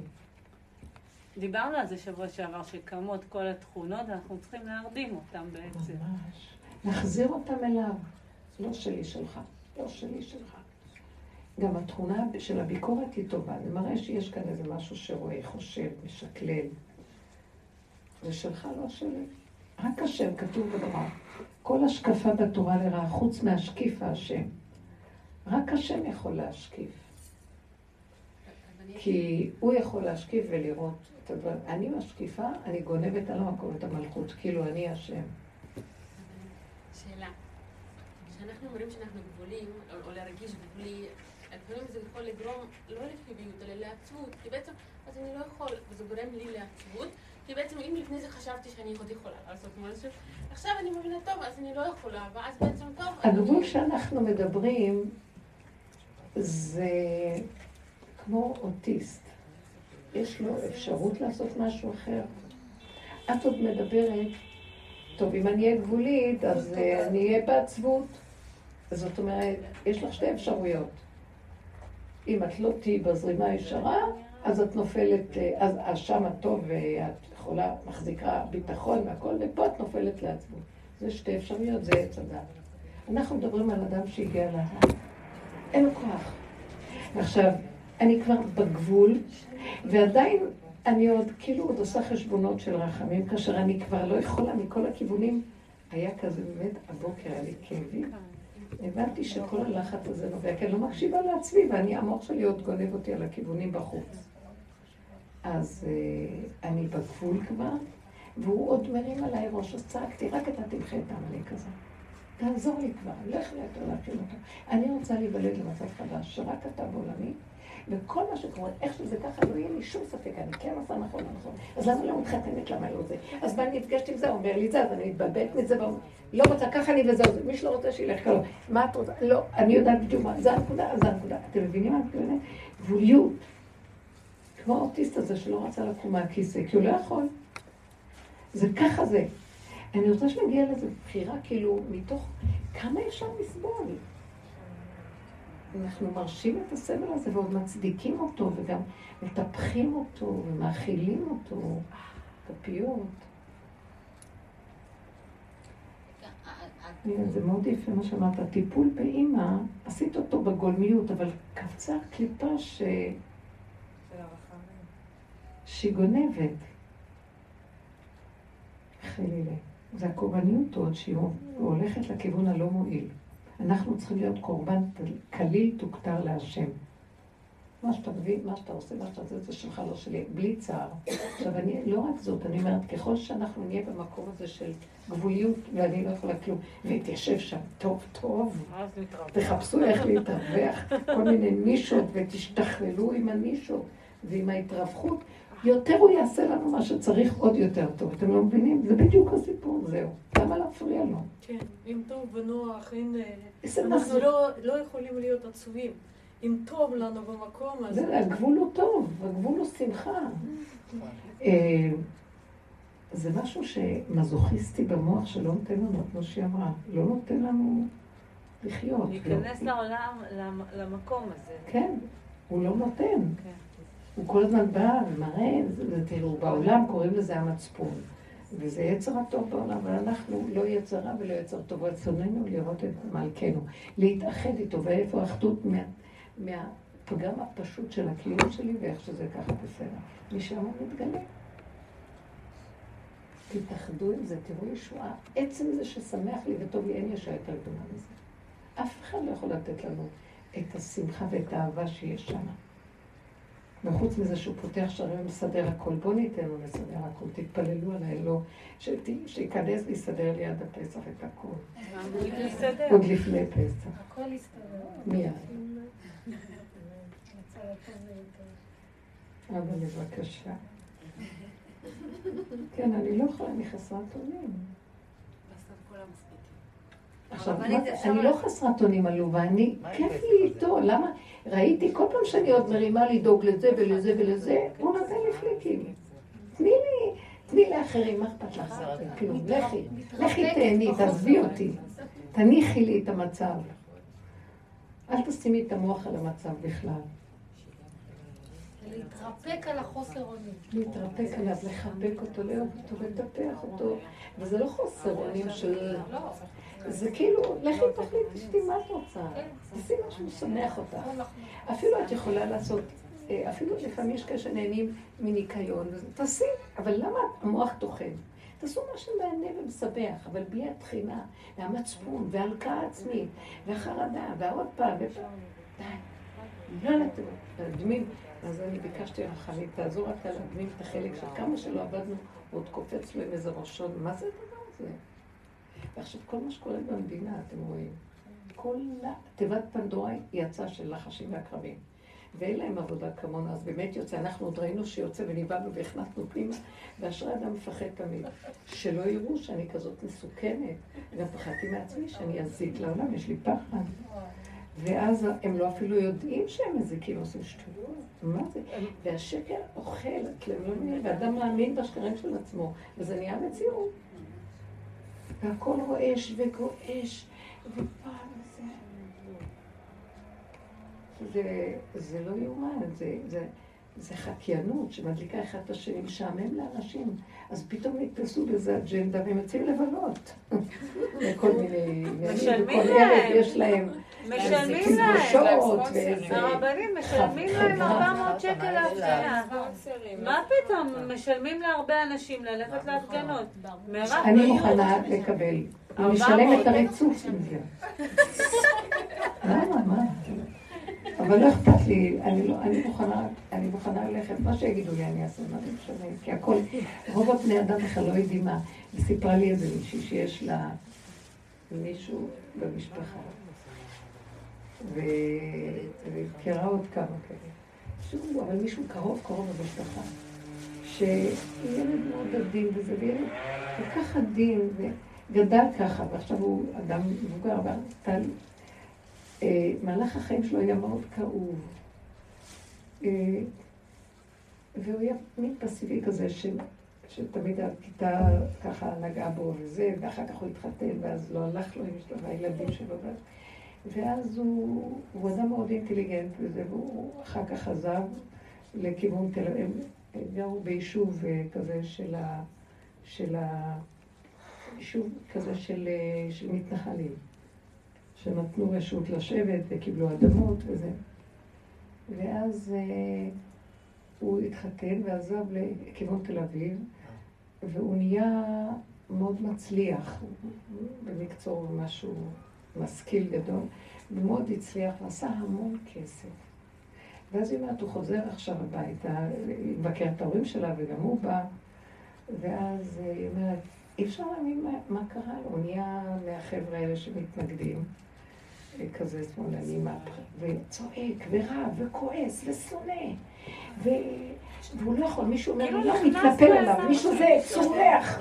ואז היא מסתכלת עליו, ואז היא אומרת לי, אני רואה את כל התסכולים מהחיים שלו יוצאים עכשיו, כי הוא תפס איזה טרמפ שיאללה. יוצא משהו, יאללה, עכשיו, עכשיו הוא כועס על מה, זה לא משנה על מה, כן, הוא חייב להוציא את הכעסים שהיו לו, ואת כל הכאבים, את כל התסכולים, ואת הכל, אז עכשיו יש איזה דגל שאפשר להוציא ולהוציא את כל הכעסים ולשפוך על זה. אז כל המרמור הזה יוצא החוצה. זה לאו דווקא בגלל הרעיון הזה, משהו מתלבש בדרך להצדיק את זה. אבל באמת, באמת, זה כל הכאבים של הבני אדם יוצאים. אז מישהי אמרה לי, אז זה הערב רב כולם? אמרתי לה, לא בטוח. יש כאלה כאובים מהחיים, שזה עולים על הגל קצת להוציא, להנפיש את הכאבים, ויאללה, יוצאים קצת, זה יוצא להם מזה, ומתלבשים בלי לשים לב במין הצדקה של איזה אג'נדות וכל מיני פילוסופיות. אבל באמת, באמת, יש כאלה באמת רעים אמיתיים שם, אבל לא כולם, זה לא אומר שכולם. למשל, אם ייתנו לי 400 שקל, אני מוכנה ללכת. למה לא? מה? כל ערב? מה, כן? כל יום? כל יום 400 שקל בלי לעשות כלום. אז כל היום שותים קפה נחים, ובערב יוצאים לבלות ומקבלים כסף. וזה בשבת גם, אחים שלנו. זה גם בשבת, אחים שלנו. לא רק בשבת. תגידי להם, אני בשבת לא עובדת. זה בעיקר חמישי שישי.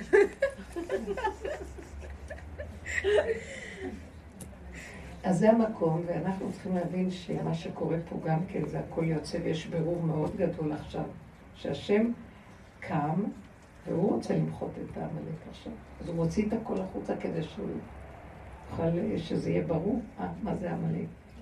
אבל אנחנו צריכים לבקש שזה יהיה ברחמים ותזהרו איך אנחנו ממליכים אותו כדי שזה יהיה רחמים, שאני נותנת לו את המקום ואני לא שמה את עצמי בשום צד, לא ימין ולא שמאל ולא שום דבר, ואני אומרת לו, השם תתגלה, ואיך תתגלה? דרך זה שאני חוזר לגבול שלי ואומר, אני לא יכול, רק אתה יכול. אז אני נותן לו מלכות להתגלות, והוא מנהל אותי. ככה הוא, אני, הוא מנהל לי את המציאות. ושאני לא ארים ראש עוד פעם לחשוב ועוד פעם טוען נטען, כי אני מפריעה לו לסדר את הכל על הצד הכי טוב. כי ברגע שאנחנו מתערבים לא נכון, זה כאילו הרמנו איזה ראש יחד עם כל הראשים של העמלק הזה, ויכולים לערוף לנו את הראש מסוכן. תורידו ראש מהר. תלכו לגבול על הפגם ותהיו עם עצמכם, וזה מה שנשאר, זה הכל. זה הסיפור עכשיו. עכשיו חודש ניסן, תהנו, אל תשתגעו עם הניקיונות גם. כי הולכים לאיבוד ומפסידים את הימים המושלמים האלה, מדהים. זה בסדר שאני לא בטירוף. ככה, לעשות בעדינות, לעשות פה, לעשות שם, הכל בעדינות, ולהשאיר את זה ברמה שאפשר... אה,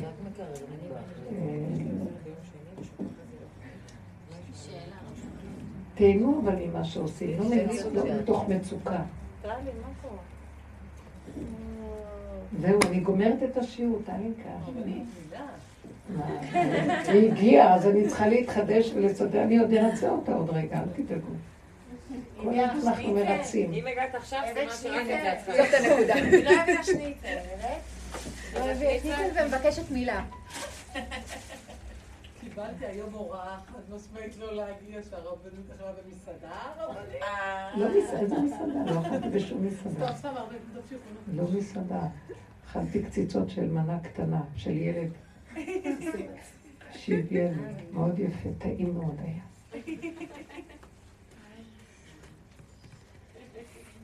מתוקות שלי, אז משהו, אתם אנחנו רואות אותך שבוע הבא? אצלכם, אצלכם. אבל זוכרת מה? אני למה לא? אני אוהבת את זה, לצאת מכל העבודות. פעם שעברה נכנסנו לברוך.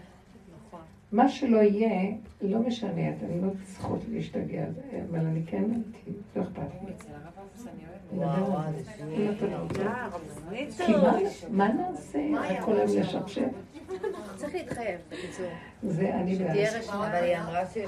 אז תעדכני את הבנות שפה גם, כי לא כן, הבנות פה, מי שרוצה. בנות, שבוע הבא שיעור אצל רבי עמוס. התגעגעתי אצלכם. רבי עמוס.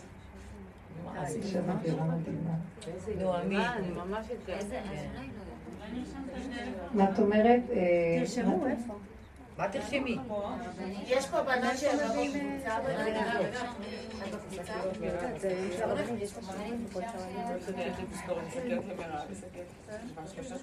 כן, בבקשה.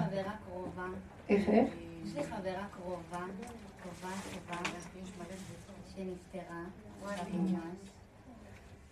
ואני רוצה לדעת איך אני הולכת להתמודד עם זה, כי זה ממש עצוב והולך להיות לי חסר ברמות. Mm. וכאילו, איך אני הולכת להתמודד עם זה? Mm. פשוט... איך קוראים לה? שני. איך? שני. בת? שני לאה, בת זהבה. שני לאה בת זהבה, לעילוי נשמתה קדושה. אמן. איזה צער זה להגיד על אנשים צעירים דבר כן. כזה. זה לא נתפס בשכל יותר מזה שזה אני לא, אי אפשר. אל תנסי לתפוס את זה בשכל. אל תנסי להתמודד. עצם השאלה היא עץ הדעת. איך אני אתמודד עם זה? אל תתמודדי. לא את לא יכולה להתמודד עם זה, זה עוד כאילו יכולים, לא יכולים, אי אפשר להכיל דבר כזה. אני לא יכולה להכיל כלום. תגידי, וזה הכי נכון, בגלל שהיא פה, והשם יודע מה עושה בעולמו, והתוכנית הכי טובה. וגם לה יש שמחה גדולה והכל בסדר. אבל אנחנו, כאילו הרחמנות של העולם במוח שלנו תופס את השטח. כי אני ישר, ישר הייתי, מה אני יכולה עוד להועיל במשהו, להגיד לעילוי נשמתה ושהשיעור העילוי, ושכל העבודה הזאת, שיהיה לה תועלת מזה בעזרת השם נשמתה הקדושה, זהו. לא, לא, לא, לא, את לא עושה טובה. את לא עושה טובה. את לא יותר מוסרית, את לא יותר בן אדם. זה לא שלנו כלום. לא שלנו פה כלום. זה להעביר הלאה ולהישאר באמונה פשוטה שיש מישהו מנהל טוב את העולם, הכל טוב. תתאחדי עם הנקודה שלך, היא איתך בתוכך, מתחברת. הרבה יותר יש, יש לה תועלת מנקודת האמונה שלך הזאת, מה שמזה שאת דואגת ומעצמך וכאובה. אין מזה שום תועלת. היא הייתה מאוד מאוד בדרך, ממש שמחה קלילה, אבל לי קשה לקבל את זה. תלמדי, לא. תזהרי. זה קשה, נכון, אבל זו עובדה, נקודה. העובדה, אל תנהלי להשם את עולמו על ידי הכאב והצדקה של המציאות הזאת. זה לא, זה שקר. זה, זה, זה עץ הדעת המוסרי, במירכאות. אומרים לנו, תרדו מהמוסר, אני רוצה להתגלות בעולמי. המוסר היה אמצעי, כשאני בגלות, אז אתם צריכים להיות מוצרים מול העולם. אבל כשאני באה להתגלות, אף אחד לא ירים ראש ויהיה מול משהו. תנו לי את המקום שלי. להתקדם, לזכור שהיא פה, כאילו לתת ממש. ותבקשי מהשם הרחמים, זה כבוד הנפטרת. אתם יודעים שזה כבוד לנפטר, שלא מצטערים יותר מדי? תעשי דברים טובים, שכליים פשוטים, כמו שהיא אמרה שהיא טיפלה באימא כגולם. משהו פשוט שמטפלים ועושים. להיטיב, אז אפשר לתרום משהו לעילוי נשמתה, לעשות איזה, להגיד איזה, דברים שהם לתועלת, אבל לא המצפון והכאב, הצער והמחשבה הזאת. זה מה שאני מציעה. אפשר להכיל את זה. כן, כן, הרבה נחת, רחלי, ישועות. אז אנחנו גם פה נסיים, ובעזרת השם נתראה שבוע הבא. בעזרת השם. כבר זה עושה לי שמח. ספרי לנו שיסתדר עם העץ שבוע הבא. איזה יופי. תודה לכם. תודה. אחר כך ראיתי שאני העץ בפנים, זה הכל פה, האדם הוא עץ הסוף, וזה פה. ישועות יקרות שלי, ישועות אהבה איזה מתוקות, אין עליכם. שילך בקלות הכל. ושאנחנו צריכים לעשות, ליהנות מהימים האלה, ימים חשובים, יפים. שלא לאבד אותם עם הסערה של מקירות הפילים האלה. צריך לעשות. אבל זה נחמד. פה מגירה, בקטן, הכל קטן. פה נקודה קטנה, פה זה. מה הכי דחוף? איך שהכל מסתדר לבד. להוציא את החמץ לבד. המטבח, המטבח הוא יותר משמעות. אני כל הזמן שמה את החמץ במחסן. יותר משמעות המטבח. אל תצברו קניות עכשיו. לא לקנות, תשאירו ריק כדי ש... בכלל זה טוב, בעבודה הזאת שאנחנו עובדים, לנפות את המותרות של המאכלים, לא לאכול כל כך הרבה. בגבוליות לא רוצים לאכול הרבה, גם לא לאכול כל מיני מינים. מה שהגוף נזקק לו, שטעים לו, נכון לו, קטן לו, הכל בסדר, בריא ואמיתי. תודה רבה לכם. תודה רבה.